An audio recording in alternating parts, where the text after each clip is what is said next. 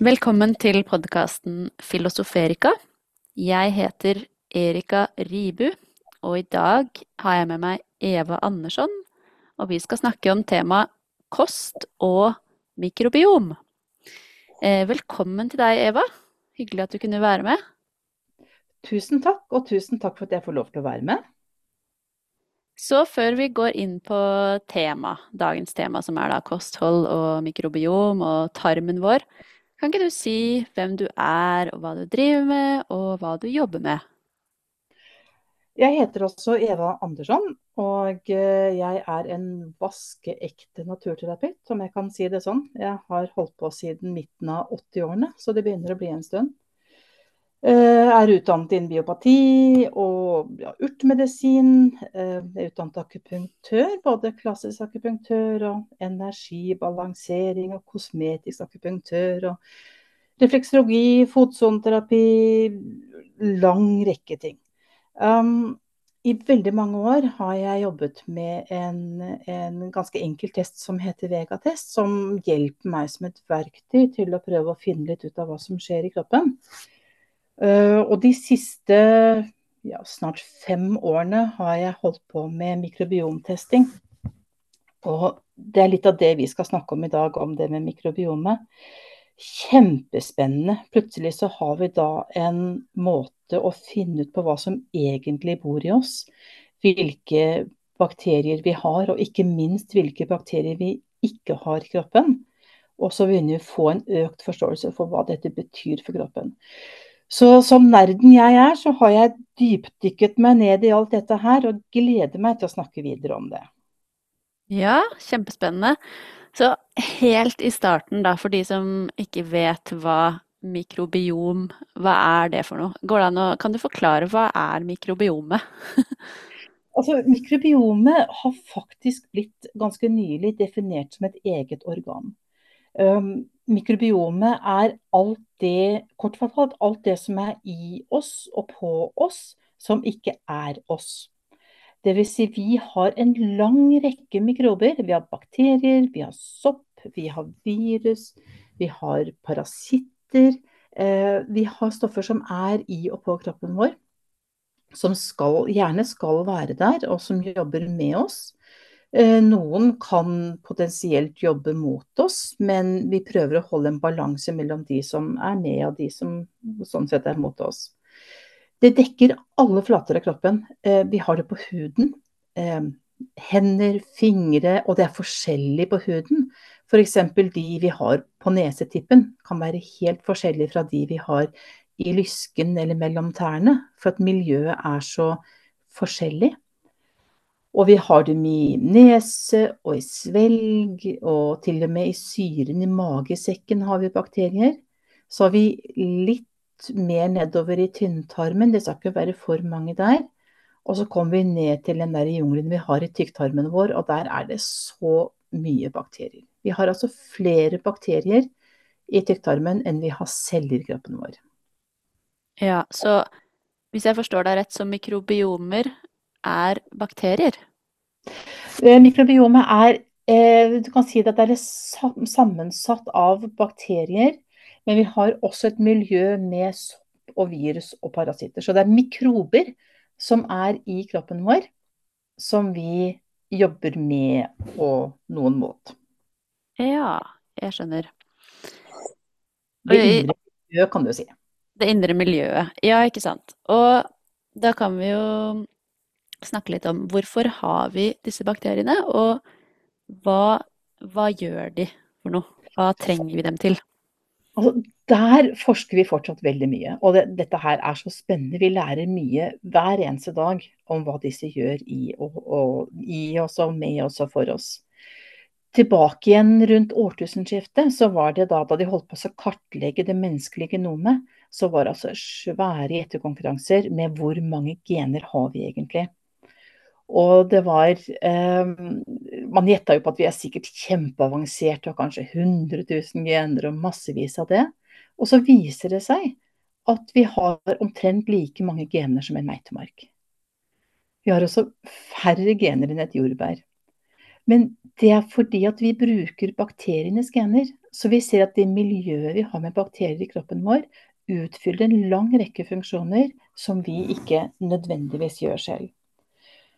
Og disse bakteriene de produserer stoffer for oss. De fermenterer, altså bryter ned mat som vi selv ikke klarer å fordøye. Masse fiber som er i maten og sånt, og stoffer. Og så produserer de bl.a. kortkjedede fettsyrer til oss. Eh, og de produserer vitaminer. Og de produserer signalstoffer. Mm. Og så er det jo Da vi snakket sammen før vi spilte inn dette, så sa du noe om eh, snille eh, bakterier og slemme bakterier. Kan du Ja, si litt det, mer om det? Ja. ja, det syns jeg er veldig gøy. For vi snakker om liksom gode og dårlige, eller snille og slemme bakterier. Og så er det sånn at bakterier har jo egentlig ikke moral. Så det er jo ikke det at de er snille eller slemme, men har de samme agenda som oss. Altså hvis de vil det samme som oss og vårt beste, så kaller vi dem for gode bakterier. Hvis de deretter er såkalt opportunistiske, altså det at de ser ut til å kunne angripe oss, så kan vi kalle dem for dårlige bakterier. Eh, og det er sånn typisk vi kjenner til får uh, f.eks. streptokokker i halsen, det kjenner vi jo til. Og vi kan ha streptokokker i halsen absolutt hele tiden. Men hvis det blir for mange av dem, og hvis, de, eh, hvis forsvaret vårt blir svakere, så kan de begynne å angripe.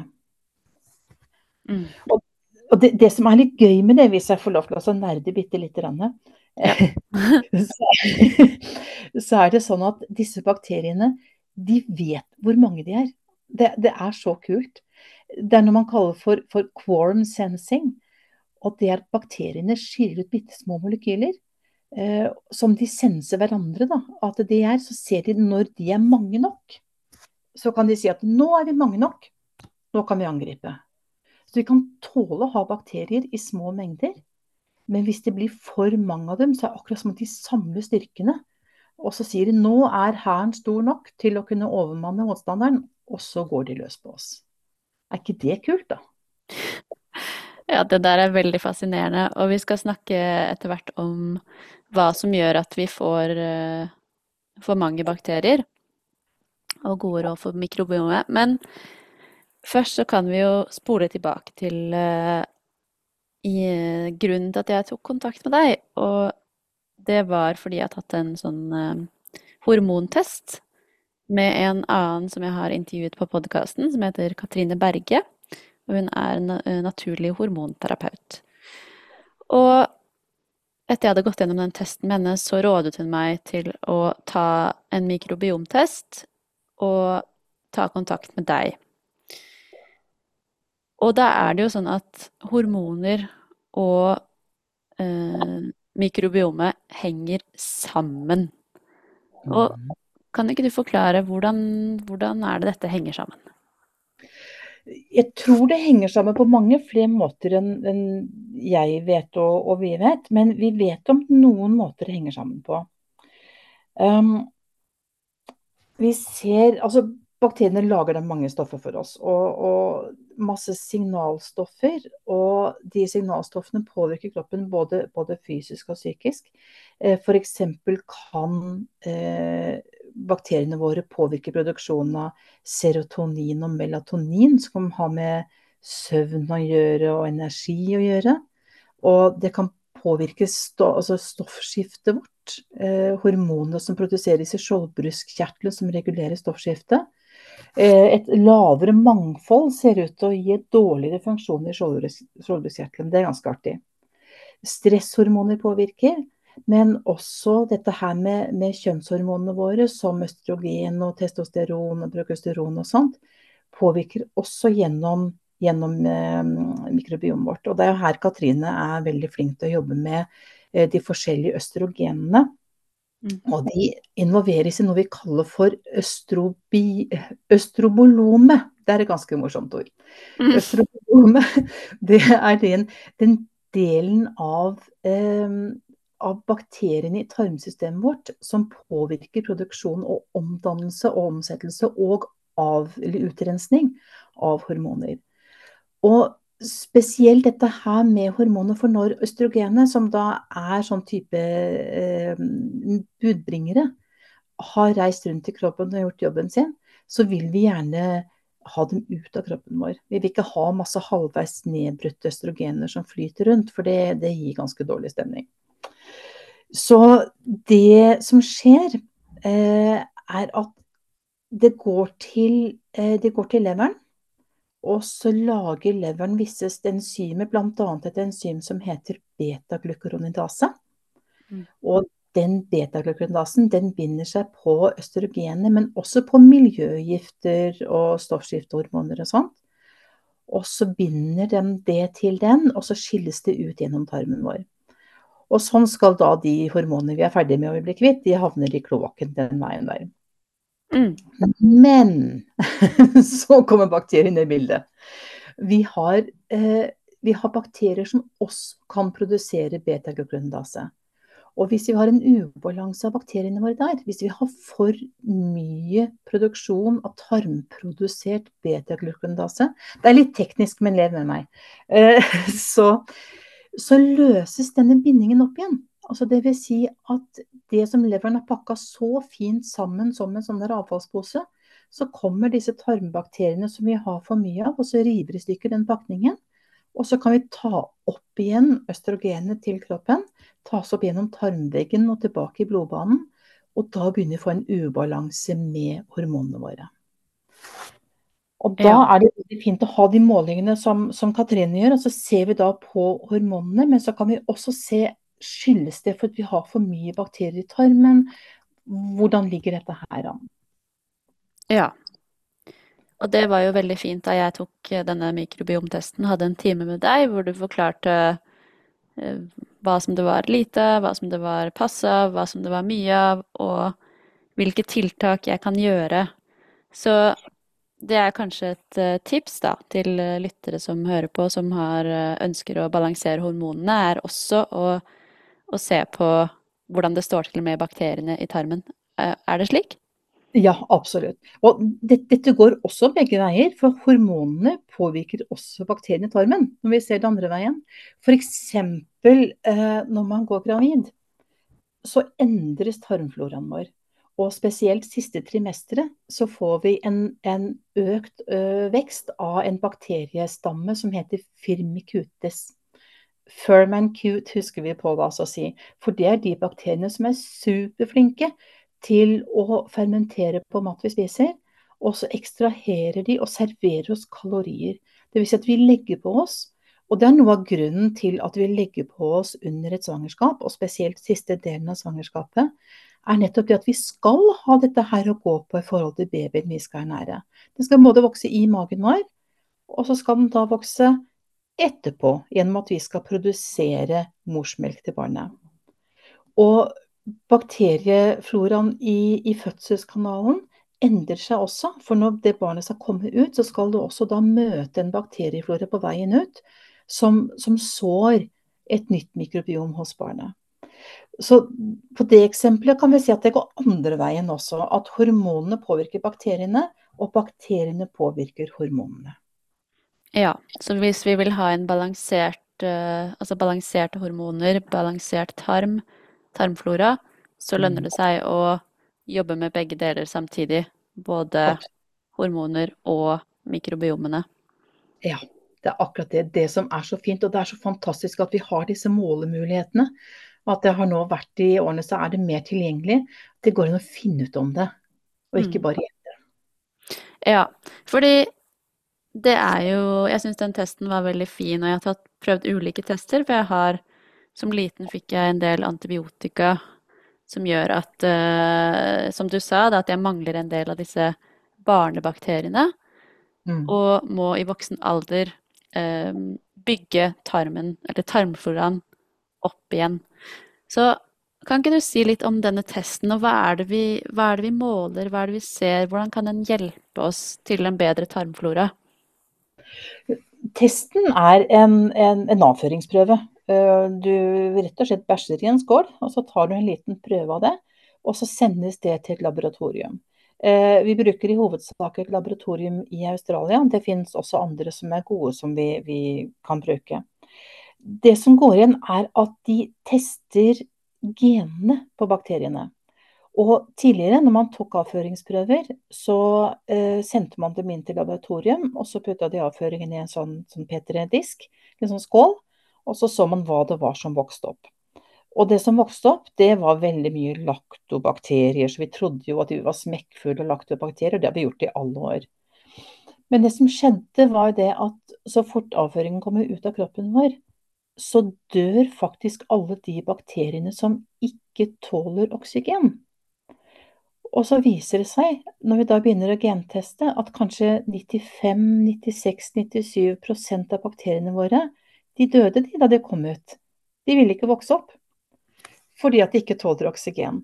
Og laktobakteriene, som også er en, en viktig del av kroppen vår, eller av floraen vår, de vokser villig opp, så vi fikk jo et helt skjevt bilde.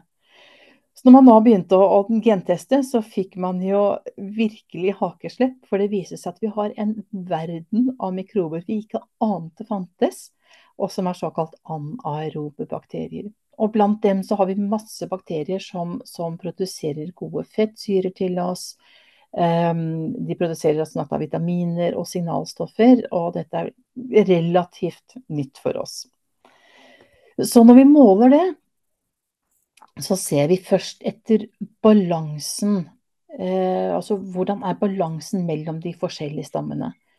Eh, det er spesielt fire-fem stammer vi ser mest på.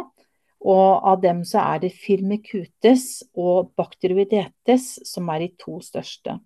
Eh, de til sammen utgjør kanskje 98% av bakteriene. Kanskje til og med mer. Og balansen dem imellom kan vi også se på i forhold til dette her med vekt. Fordi at hvis du har veldig mye firmicutes-bakterier, som jeg nevnte i sted, dette her med det øker under graviditeten fordi at de serverer oss kalorier. De er veldig gode på det. De fermenterer fiber som vi selv ikke fordøyer, og så gir de oss kalorier. Og hvis man tenker evolusjonsmessig sett, så er det jo hensiktsmessig. For det var ikke alltid bare bare å stikke ned på 7-Eleven på hjørnet og kjøpe en pølse hvis du var sulten. Eh, vi måtte faktisk ut og sanke maten, eller fange maten. Og det var ikke all maten som var like biologisk tilgjengelig, eller like eh, kaloririk som det vi klarer også å hive i oss eh, uten spesiell anstrengelse nå. Mm. Eh, så det var hensiktsmessig å ha masse bakterier som kan gi oss, eh, gi oss disse kaloriene. Uh, og de som da har lett for å legge på seg, kan ofte ha et bilde av at det er en overvekt av firmicutes. Bakteroidetes-bakteriene eh, de er også gode til å fermentere mat som vi spiser, og fibre som vi ikke, ikke bryter ned selv. Såkalt resistente fibre, det kommer vi tilbake igjen til snart. Men de er ikke så gode på kalorier. Så vi ser de som har et høyt nivå av bakteroidetes, de har ofte lettere for å holde seg slanke og, og mm, ikke ha så lett for, også, for, å legge på seg. Men så har vi andre bakterier som da gjør andre funksjoner. Og du nevnte det med barnebakteriene, som er spesielt det med bifidobakterier i en, en, en stamme som heter actinobacteria. De vil vi også ha en lang rekke av, for de hjelper oss til å bryte ned stivelse i maten, bryte ned karbohydrater. Og de er også veldig gode til å produsere vitaminer. Mm. Uh, vi har en annen, en annen, liten stjerne som er fin, som er i et, et annet uh, fylum. Uh, den heter, heter Akermansia. Akermansia musinifila. Og det er en bakterie som beskytter slimhinnene våre. Det er også blant de vi ser etter. Vi har altså noen sånne fine stjerner som vi, som vi, ser etter.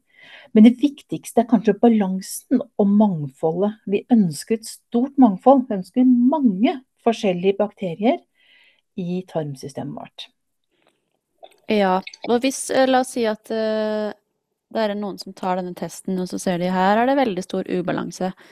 Hva er det de kan gjøre de får jo råd av deg, selvfølgelig tilpasset deres uh, test og sånn, men generelt er det mulig å balansere ut disse ubalansene man finner i testen, uh, i alle tilfeller? I de aller fleste tilfeller så er det mulig å gjøre mye. Det er noen teorier du har altså Noen mener at de som har en veldig skadd tarmflora fra tidlig av, de er mye mer avhengig av å hele tiden måtte spise veldig riktig for å kunne fungere.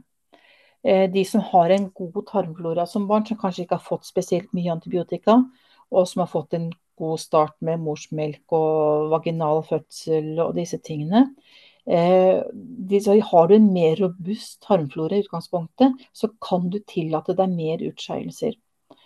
Men det er jo sånn at vi får de bakteriene vi fôrer. Så hvis jeg får en analyse tilbake igjen som er veldig skjev, hvis den er veldig ubalansert, så vet jeg at OK, her må vi gå inn. Vi vet hvilke bakterier som liker hvilken type mat, og så må man endre kosten. Så hvis du f.eks. har veldig lite bakterier som, som fermenterer på, eh, på, grønnsaker, så fortell dem at du kanskje bør øke grønnsaksinntaket ditt for å få flere av de bakteriene. Bønner og linser og f.eks. sånne ting. Ja. Da kan vi jo gå over til dette med kosthold. Ja. Eh, det er jo et stort felt, og mange mener ulike ting. Ja. Vanskelig å av og til uh, snakke konkret om, men det er vel noen generelle regler. Og hva er din erfaring, eller hva er ditt syn på hva slags kosthold som er bra for Hvis det, man kan si noe generelt, da, det er jo ganske individuelt også, men generelt, hva slags kosthold er det som uh, mikrobiomet vårt uh, liker? Jeg tror at mangfold er det viktigste. jeg. jeg har Når det gjelder alle Det er veldig mange som populære dietter ute og går. Eh, og forskjellige monodietter. Eh, de aller fleste virker på kort sikt fordi at du letter jobben til fordøyelsen ved å kun spise én type mat. Enten det bare er eh, keto, eller carnivore, eller lavkarbo, eller lavfett. Ehm, når man da det, det funker på kort sikt. Men på lang sikt så snevrer du da inn mangfoldet i mikrobiomet. For hvis du, hvis du kutter ut visse matvarer fra kosten, så kutter du også ut de bakteriene som fermenterer på de matvarene. Så rent generelt sett så vil jeg si at det å ha et rikt mangfold i kosten, Eh, fem om dagen, sier myndighetene om, om frukt og grønnsaker. Eh, ja, det er fint, det, men hvis du spiser de samme fem hver dag, så er det jo like langt. Da fôrer du bare akkurat de samme fem, samme fem gruppene. Mm. Så jeg liker å si sikt på 30 i uka. Hvis du klarer 30 forskjellige frukt og grønt med hovedvekt på grønnsaker i løpet av en uke, så har du gjort veldig mye. Mm. Ren så lite prosessert mat som mulig. Altså rene råvarer. Aller helst økologisk der man kan. Eh, det er jo en stor diskusjon. Det er vanskelig å få til å spise rent økologisk. Men veldig, altså når man sprøyter maten, så sprøyter man med ting som er mikrobebekjempende. Det er jo det man sprøyter med for å unngå at, eh, at grønnsakene og maten blir angrepet. Men de fortsetter å virke når vi spiser dem. Så hvis vi kan ha et, eh, et kosthold med minst mulig sånne stoffer i, og eh, minst mulig tilsetninger av mikrobebekjempende midler og konserveringsmidler og emulgatorer og alt sånt. Ha mat som er rik på, på fiber. De aller fleste bakteriene våre er veldig glad i fiber. De er veldig glad i bønner og linser og grønnsaker og ren mat og omega-3-fettsyrer. Det er masse bakterier som syns at det er helt suverent når vi får i oss godt med omega-3-fettsyrer. Mm. Og det er ingenting i veien for oss å spise kjøtt eller fisk hvis man syns at det er greit. Noen, noen, ønsker å ikke gjøre det og velge det bort, og man kan fint velge det bort. Men vi har mange bakterier som syns det er fint å fermentere på kjøtt og fisk også. Så jeg har ingen motforestillinger mot det. Nei. Er det noe eh, du ikke ville anbefalt for mye av? Eh, som vil eh, ikke skade direkte, men gjøre Ja, som ikke er så bra for mikrobiomet?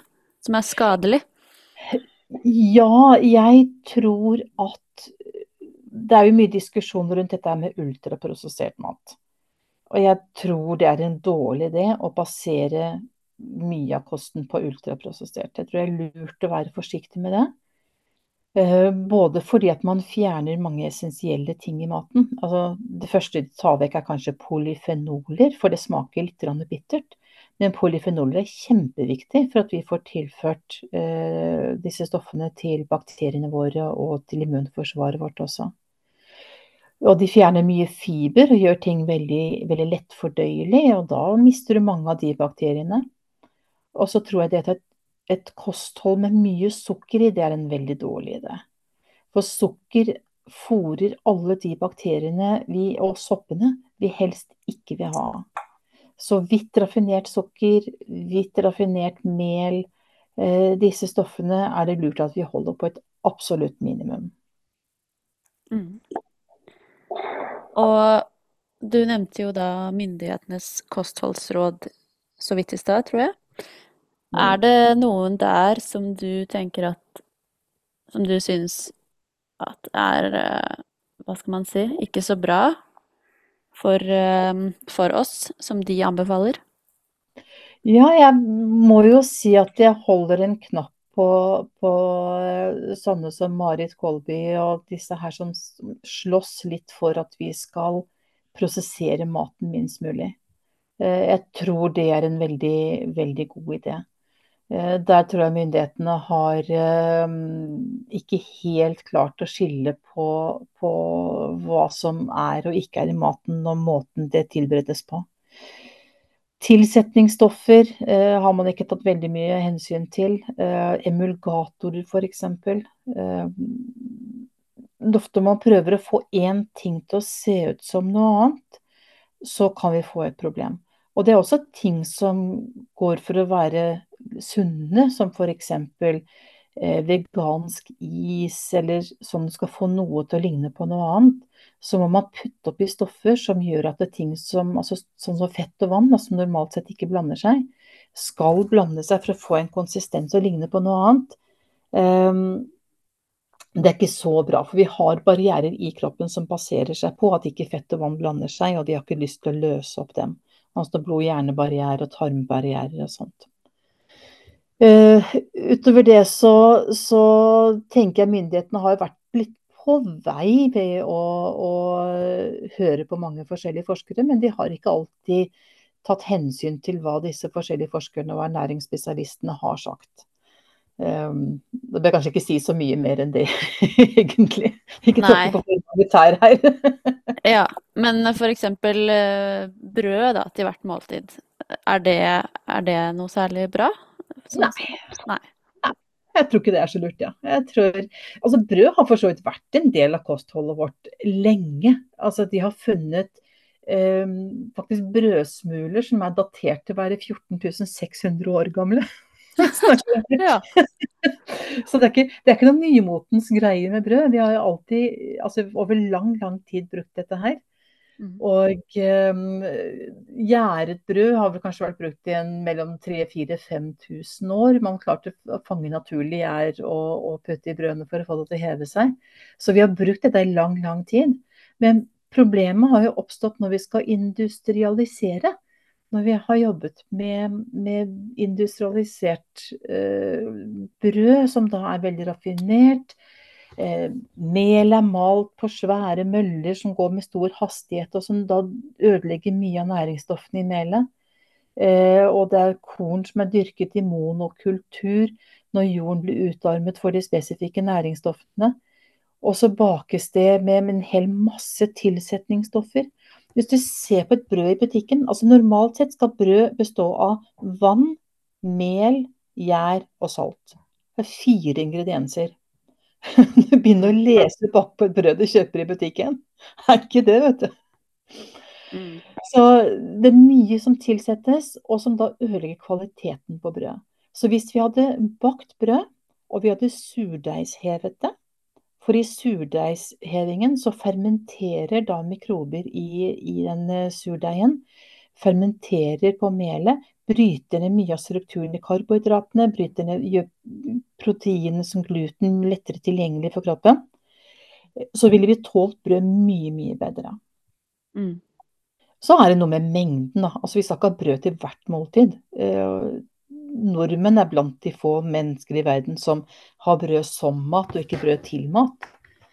Du skal ikke reise så langt før du får en, eh, et godt, varmt måltid, og så får du en liten brødblings på siden. Det er noe helt annet enn at vi skal ha en tjukk brødskive og så en tynn osteskive oppå. Mm. Så mengder har mye å si også. Ja. Ja, og du nevnte dette med bønner og linser og slik i stad. Og da husker jeg du ga meg et tips om å spise Det kan hende at det bare var Altså at det var tilpasset min test, da, men dette med å spise en skje eller en liten håndfull med ulike bønner og linser og kikerter eh, hver dag, istedenfor at det er masse store mengder. Ikke sant? Masse hummus og masse bønner og linsegryte. Og at det har noe med ja, mangfold, men ikke kjempestore mengder av alt. Ja, det tror jeg er lurt. Og spesielt hvis du ikke er vant til å spise mye bønner. Og er, vi, I vår kultur så bruker vi ikke veldig mye bønner og linser og sånt. Og det som da skjer, er at man har veldig få av de bakteriene som fermenterer på bønnene. Og så tenker man nå skal jeg bli sunn. Nå skal vi gjøre en innsats her. Og så begynner man da altså å spise en svær porsjon med noen bønner og linser og pureer og hummus og sånn. Og så sitter du da med en mage som står rett ut, så full av gass at du omtrent ikke kan røre på det. Og så sier du ah, det var det jeg visste. Jeg tåler ikke bønner. Det var bare beviset. Men det det er bevis for, er at du, det er ikke du ikke tåler bønner, men du har ikke nok bakterier til å fermentere på dem, til å bryte dem ned. Og så begynner det å gjære i systemet. Så måten er å trene opp disse bakteriene. Begynn med, begynn med litt. Begynn med en spiseskje. Begynn med fem kikerter i salaten, eller en liten porsjon i, i, i gryta. Og gradvis øke mengden. Da vil vi fòre opp de gode bakteriene. Mm. Og, og, gjerne velge forskjellige typer, ikke bare kikerter, men si kikerter en dag, eh, kidneybønner en dag, eh, gule linser en dag. Altså man da bytter litt på, for da får du et godt mangfold. Og det er det vi er på jakt etter. Ja. Jeg la jo om eh, kostholdet mitt etter eh, mye veiledning med Katrine, hormonveilederen, og etter mange år med sant, utforsking av eh, tarmen og hva som skapte ubalanse i tarmen. Og jeg må si at uh, da ble det en annen livsstil. Altså, jeg handler på, mye på nett. Jeg kjøper av lokale bønder. Av en uh, venninne som er jeger. Av uh, sant, økologiske. Jeg drar på den og den butikken, for jeg vet at de har det der, de andre har det der. Så det blir en annen måte å handle på, å leve på, å lage mat på og spise på. Og det å kjøpe seg sant, en ekstra fryser, fryse ned ha over vinteren osv.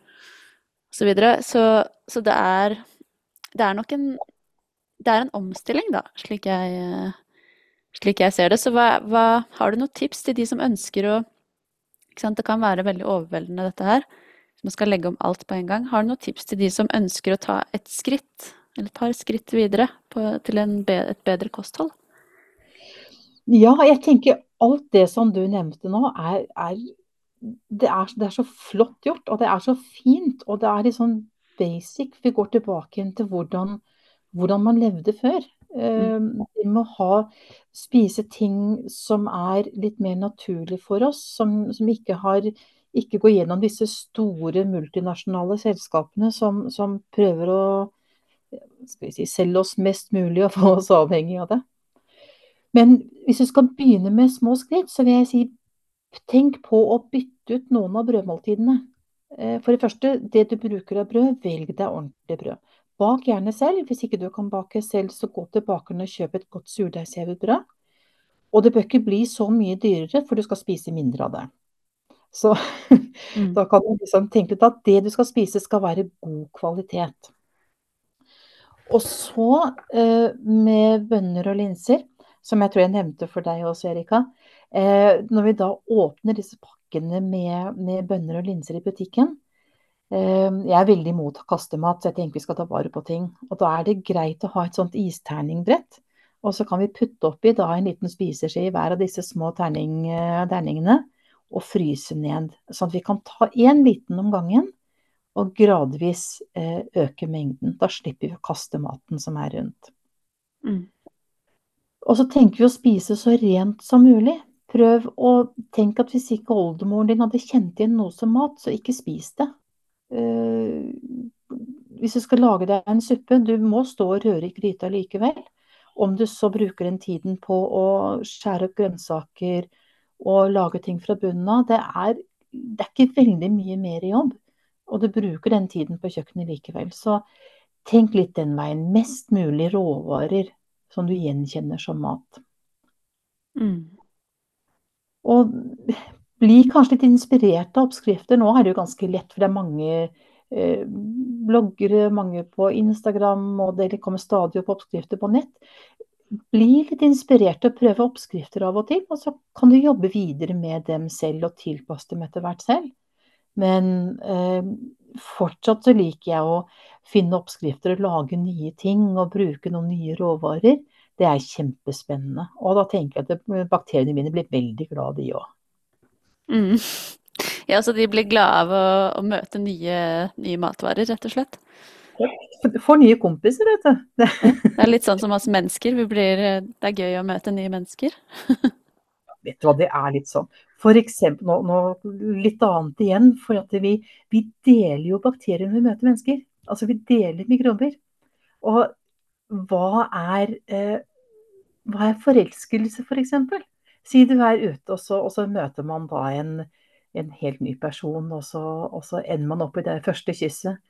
Og i det første kysset så deler man kanskje sånn 80-100 millioner bakterier som smaker på hverandre, og som deler informasjon med er vi kompatible, er vi ikke kompatible. Og er vi kompatible, så vil de sende meldinger opp til hjernen om at du, her har vi en match. Mm.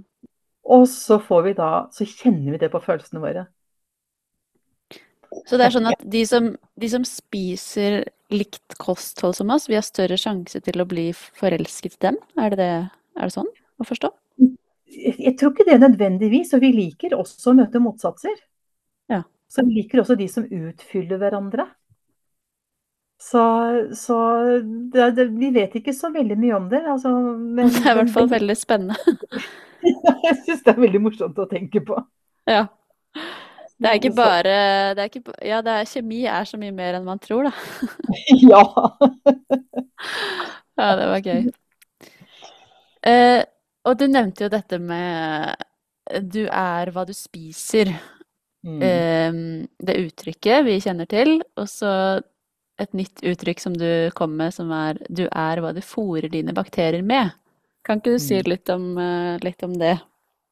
Jo, for det er jo det at det vi Vi får de bakteriene vi fôrer. Og de bakteriene vi fôrer, de fôrer oss tilbake igjen med sine stoffer. Sine næringsstoffer. Eh, igjen, som jeg nevnte, kort tid av fettsyre. Vi har noe som heter butyrat, som mange bakterier lager veldig mye av. Og det, har, eh, det, gir næring til hjernen vår, det gir næring til tarmcellene våre. Det, gir, eh, det virker antiinflamatorisk, altså betennelsesdempende. Eh, en lang rekke funksjoner. Vi kan lage fettsyrer som gir næring til muskulaturen vår, sånn at vi kan trene mer og stå mer, stå mer på. Og hjelper oss å bryte ned melkesyre så vi ikke blir så stive. Alt dette her måler vi jo når vi da ser på de analysene. Um, men vi er også, også Vi er de bakteriene vi fôrer, og de bakteriene vi fôrer, er de som sender signaler til hjernen om hva de har lyst på. Og det er litt gøy. Uh, med tanke på, hvis du husker uh, Torbjørn Egner med Karius og Baktus. Den har vi vokst opp med. ja. han, han, var, han, han skjønte det, han. Fordi at hvis du bare spiser loff med sirup på, så vil du fòre i hovedsak luft med sirup på bakteriene. Og da er det de som hacker seg på signalsystemet vårt, bl.a. vagusnerven vår, og som sender signaler opp til hjernen. Og så sier de 'vi vil ha loff med sirup på'. Og så får vi lyst på det. Og det er sikkert noe som mange kjenner på sånn nå har vi kommet litt ut, i, ut på nyåret. Og nyttårsforsettene begynner å bli litt tøffe å holde fast ved. Fordi at når da eh, kanskje har gjennom julen og tidligere har spist mye søtt og mye godteri og sånn, så er det de bakteriene som prøver å lure deg til å spise mer godteri. Oi, det her er jo interessant. Så jo mer du spiser av noe, jo mer får du lyst på det, Ja, rett og slett. yes, for det er de du har fôret, og det er de som da kommer i overvekst. Så hvis du klarer å holde deg fast noen uker, virkelig bite deg fast og bare ikke gjøre som bakteriene sier, så vil det bli færre og færre av dem. Og så vil kanskje grønnsaksspiserne ta over, og da får du lyst på en salat, og du får lyst på noe grønt og noe godt og noe sunt. Så det å legge om vaner er både rutiner som vi har, men det er også bakteriene våre. Vi må også endre miljøet i bakteriene våre. Ja, det er jo en god nyhet da, for de som eh, kanskje er litt søtsugne, som du sier da, etter nyttår og har lyst på Mm. mye søtt og sjokolade og sukker og sånn, at hvis vi klarer å holde oss noen uker, og vente og holde ut, så vil det forsvinne, Ja, søtsuget. Mm. yes, det søtsuget vil, vil gi seg. Selvfølgelig andre ting kan være andre ting i bildet. Hvis du har et veldig ustabilt blodsukker, så må man da vurdere det dit hen også. Det kan være mineralmangler. Har du lite krom f.eks., eller ubalanse med krom og andre stoffer, eh, så spiller det inn. Men bakteriene våre er definitivt med å fortelle oss hva vi har lyst på. Vi har sånn ubendig lyst på et eller annet. Så, Ja, det der er eh, så viktig å ha med seg, altså. For yes. alle. Ja, altså, Så har vi jo masse stoffer i maten også, da. Litt annet enn du, du var inne på i stad med kostholds, kostholdsrådene. Jeg tenkte jeg skulle ha et lite ord og nevne noe som heter oksalater. Har du hørt om det før? Jeg har hørt om det, men jeg husker ikke hva det er, og du kan gjerne forklare. Ja, jeg hopper litt tilbake da, hvis, jeg- hvis jeg får lov til, Ja, veldig gjerne. Mm. til kostholdsrådene. For vi blir jo da bedt om å spise mer, eh, mindre kjøtt og mer, mer grønnsaker og mer plantebasert. Og, og vel og bra det, men mye plantebasert mat kan være høy på oksalater. Og det er et stoff som fins i, i plantene, som de bruker til å beskytte seg da mot, eh, mot å bli spist. For ingen vil egentlig bli spist. Mm. Og eh, oksalatene, når vi spiser dem, så absorberes det ganske raskt i tarmsystemet vårt og går ut i blodet. Men så er det noen som har en bakterie som heter oxalobacter formigenes. Og det er en bakterie som kan bryte ned oksalater. Hvis vi mangler den bakterien og spiser mye oksalater, så kan vi lettere danne stendannelser i kroppen vår.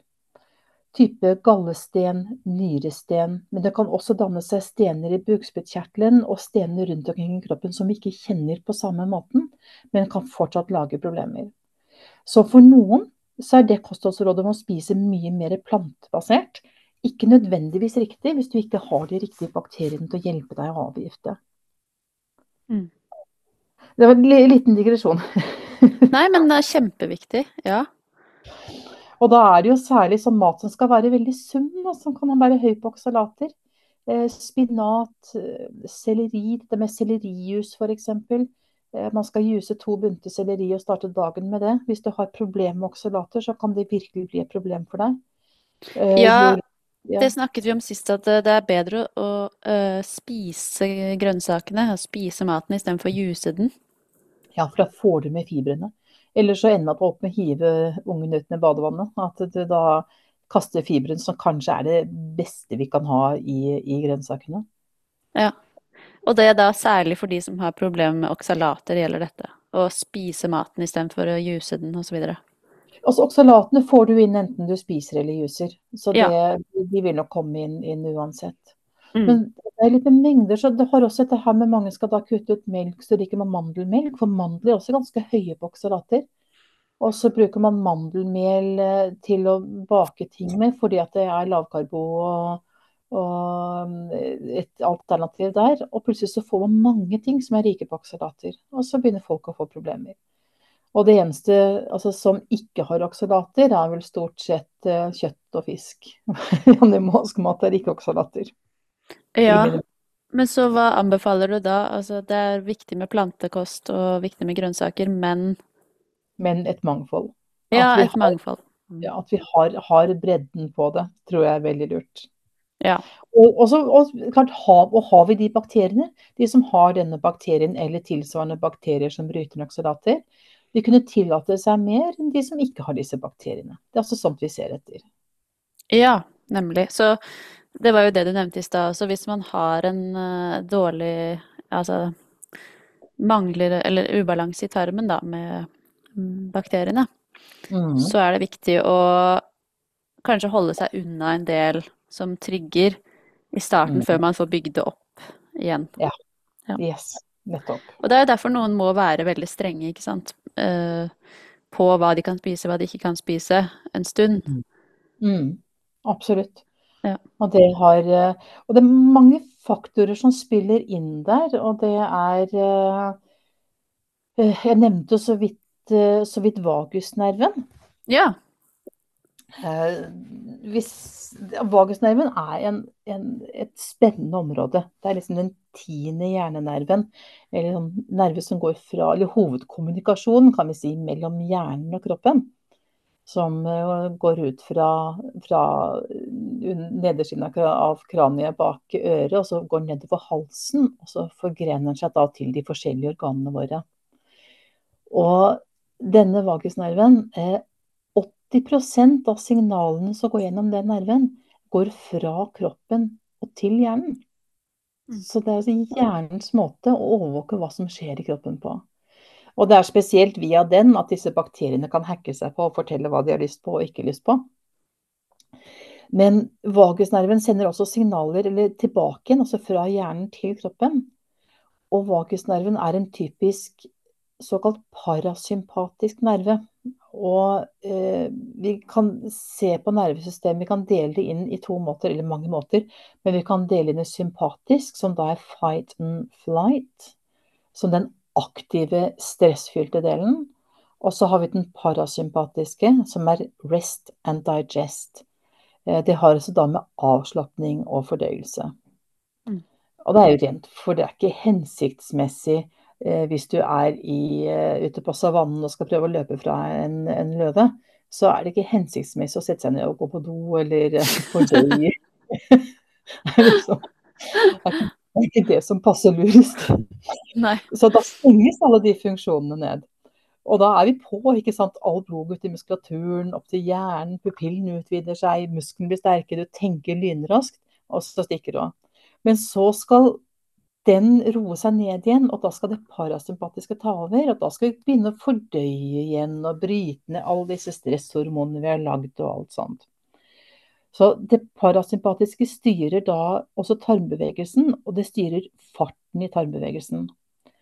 Og hvis vi hele tiden går i stressmodus, så fungerer fordøyelsen ikke så godt. Den fungerer også tregere, og da får vi en lengre transittid i tarmen som gjør at vi kan få bakterier som vokser opp på feil steder. Du får ikke den bevegelsen nedover fra nord til sør, altså fra munnen til endetarmen. Den bevegelsen går tregere, og da får du oppvekst av bakterier der det ikke nødvendigvis skal være.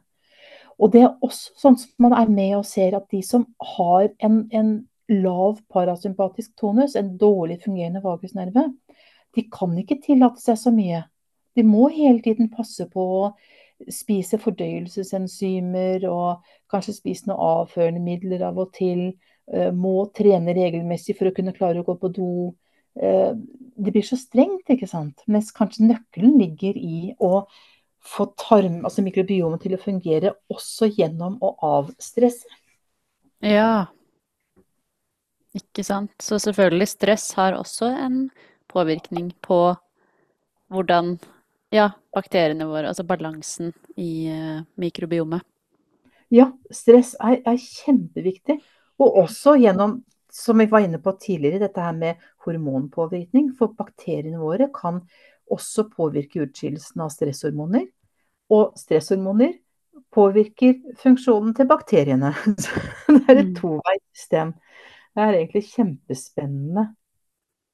Ja, og stress er jo ikke bare å det er jo ikke bare å slappe av nødvendigvis i vårt uh, stressende samfunn. Så ja, det er uh, Vi skal være på hele tiden, ikke sant. Mm. Så Ja. det, det, å ta seg litt tid faktisk til å kjede seg av og til, det, er, eh, det, det burde vi gjøre litt oftere. Mm. Ja, det er noe med det. Og så tror jeg det er en hel eh, Hva skal man si? Ja, et, en uh, tankesett som må endres der i samfunnet. Ja, ja absolutt. Men når, når, vi ser, altså når vi forstår denne sammenhengen med hvordan vi skader oss selv og kroppen og bakteriene, og hvor mye stress faktisk uh, uh, virker på oss negativt, da, så så i hvert fall så mm, begynner jo individene å endre måten de lever på, hva de gjør, når de skjønner alvoret i det. Så det mm. starter kanskje med oss selv. Ja, jeg tror det er, det er det, vi må gjøre. Vi må, vi må, skru av. Vi må mm. innimellom ikke sitte og se på de store, fete krigstypene i overskriftene i media. Vi må skru av sosiale medier innimellom. Eh, vi må gå oss en tur ut i skogen, ut i naturen. Eh, puste. Mm. Være mer til stede, rett og slett. Gode relasjoner. Alt. Altså, til og med det påvirker mikrobiomet vårt.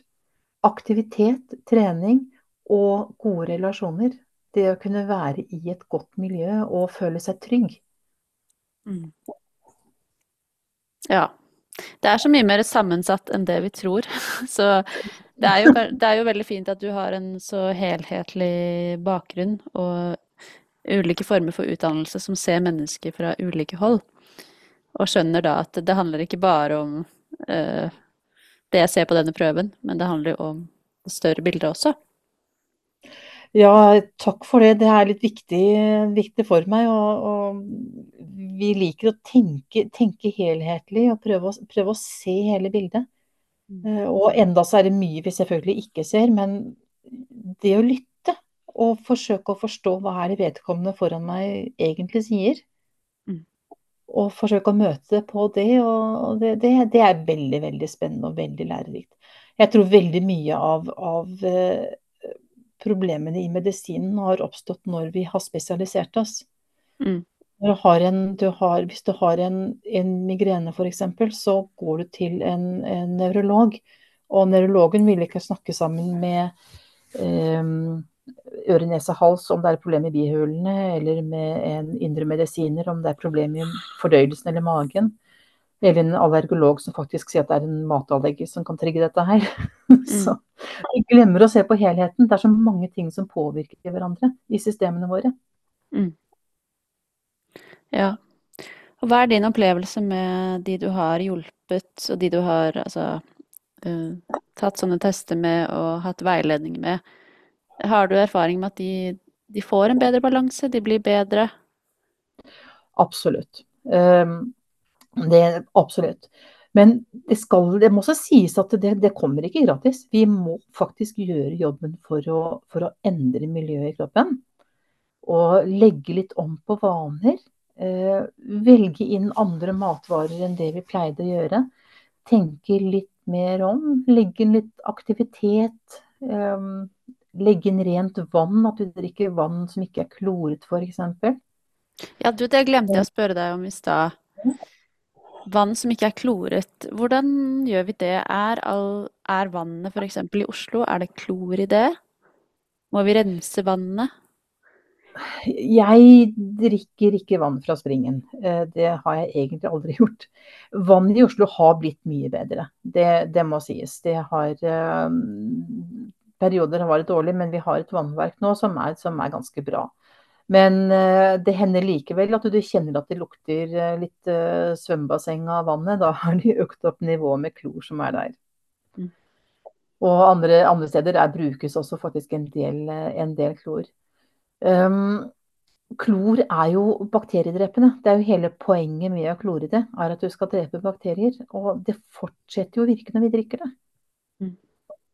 Og um, samme med, med, med sprøytemidler og, og konserveringsmidler. Ting som vi spiser, som er, spiser og drikker, som er behandlet for å drepe bakterier.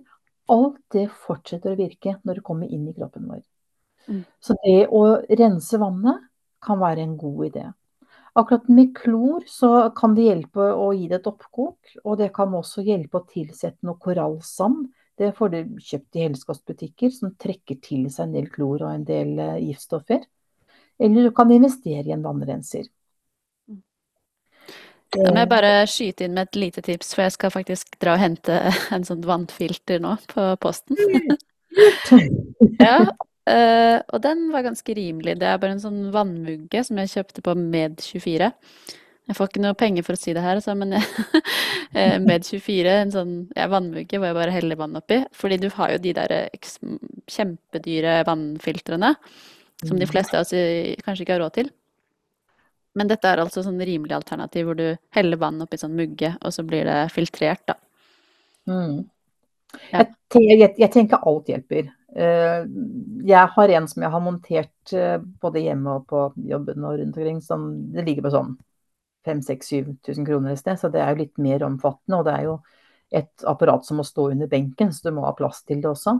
Mm. Eh, men det finnes jo da portable løsninger, og jeg tror alt du gjør kan hjelpe skal du ta også helt ned til det minste. For vi har noen, noen parasitter i rikkevannet vårt. Eh, Bl.a. en som heter kryptosporidium parvum, som er så liten at den passerer gjennom de aller fleste filtre. Mm. Den er faktisk halvparten så stor som en rød blodcelle. Da snakker vi lite. Og den påviser innimellom i, i, i drikkevannet vårt. Mm. Og eh, da må du ned på omvendt osmose, altså da, sånn som vannrenser som slipper gjennom ett og ett vannmolekyl eh, for å kunne ta dem. Men de aller fleste vannfiltre har en god effekt og tar mye både klor og en del metaller og sånt, så, så det kan være fint å, fint å bruke.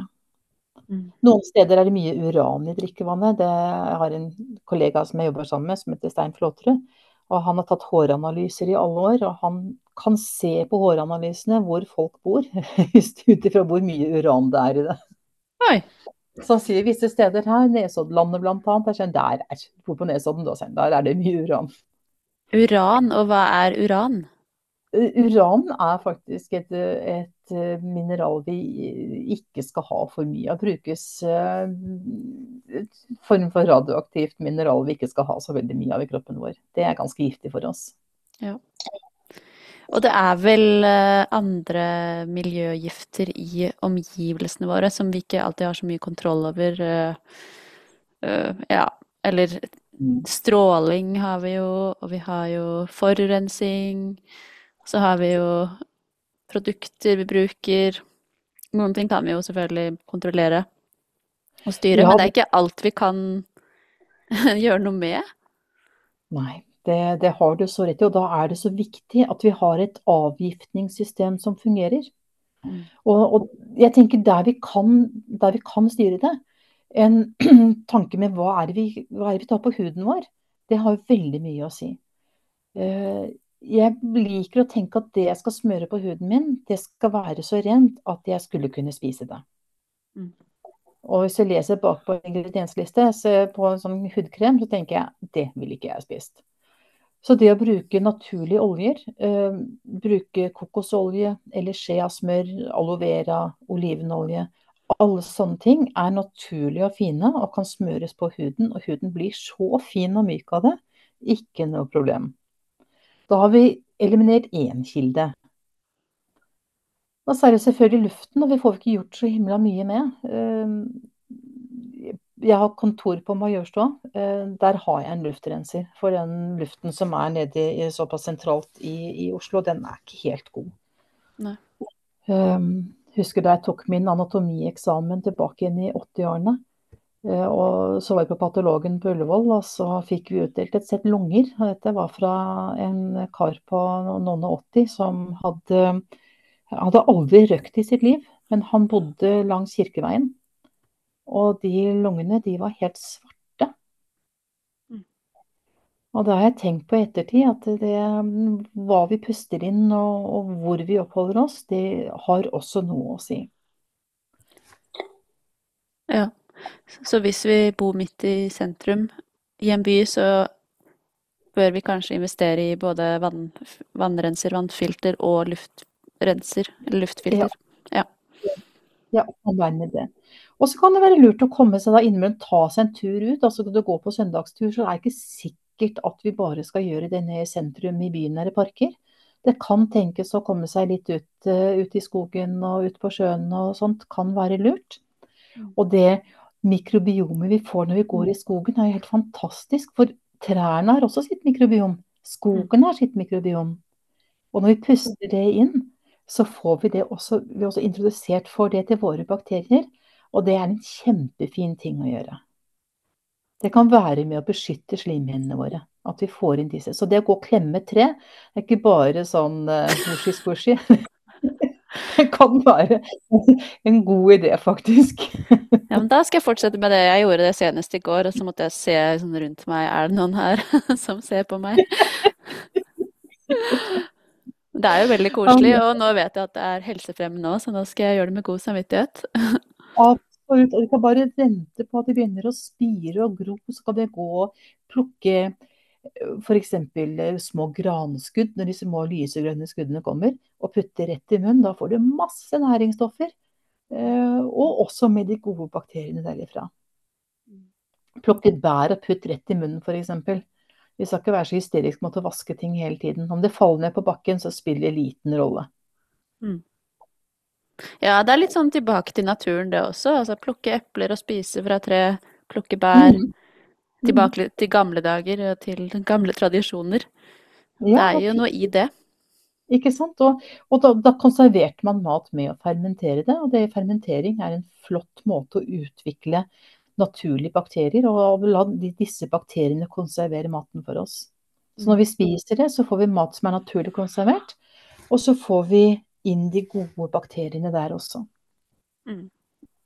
Men det skal også sies, bare mens jeg har nevnt det, fordi at blant tingene vi tester på med, med mikrobiomtestene, er at vi ser at du punkt A ikke har veldig mye gassproduserende bakterier, for da kan det være greit å være forsiktig med fermentert mat en stund.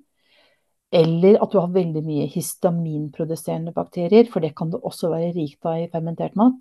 Og da kan man, noen kan også reagere på det. Men for de aller fleste så er det veldig veldig fint og sunt å spise fermentert mat. Mm. Ja, nå har vi vært gjennom veldig mye, og jeg tror vi skal avrunde snart. Yes.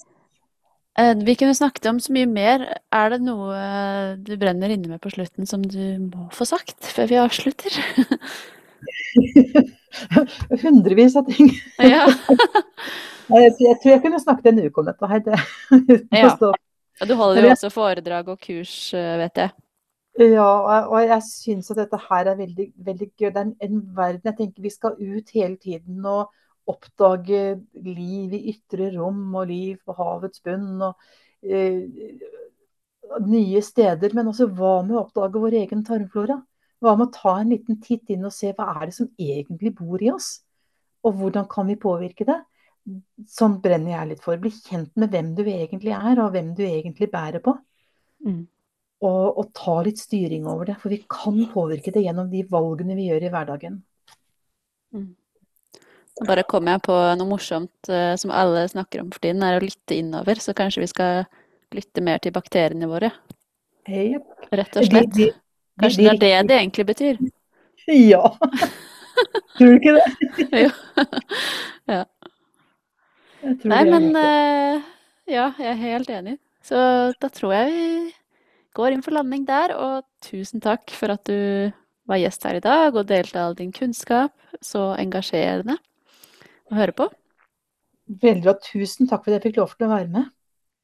Så ønsker jeg deg masse lykke til videre med arbeidet ditt. Og jeg skal legge en eh, lenke til Du har kanskje en nettside eller eh, sosiale medier som folk kan finne deg på?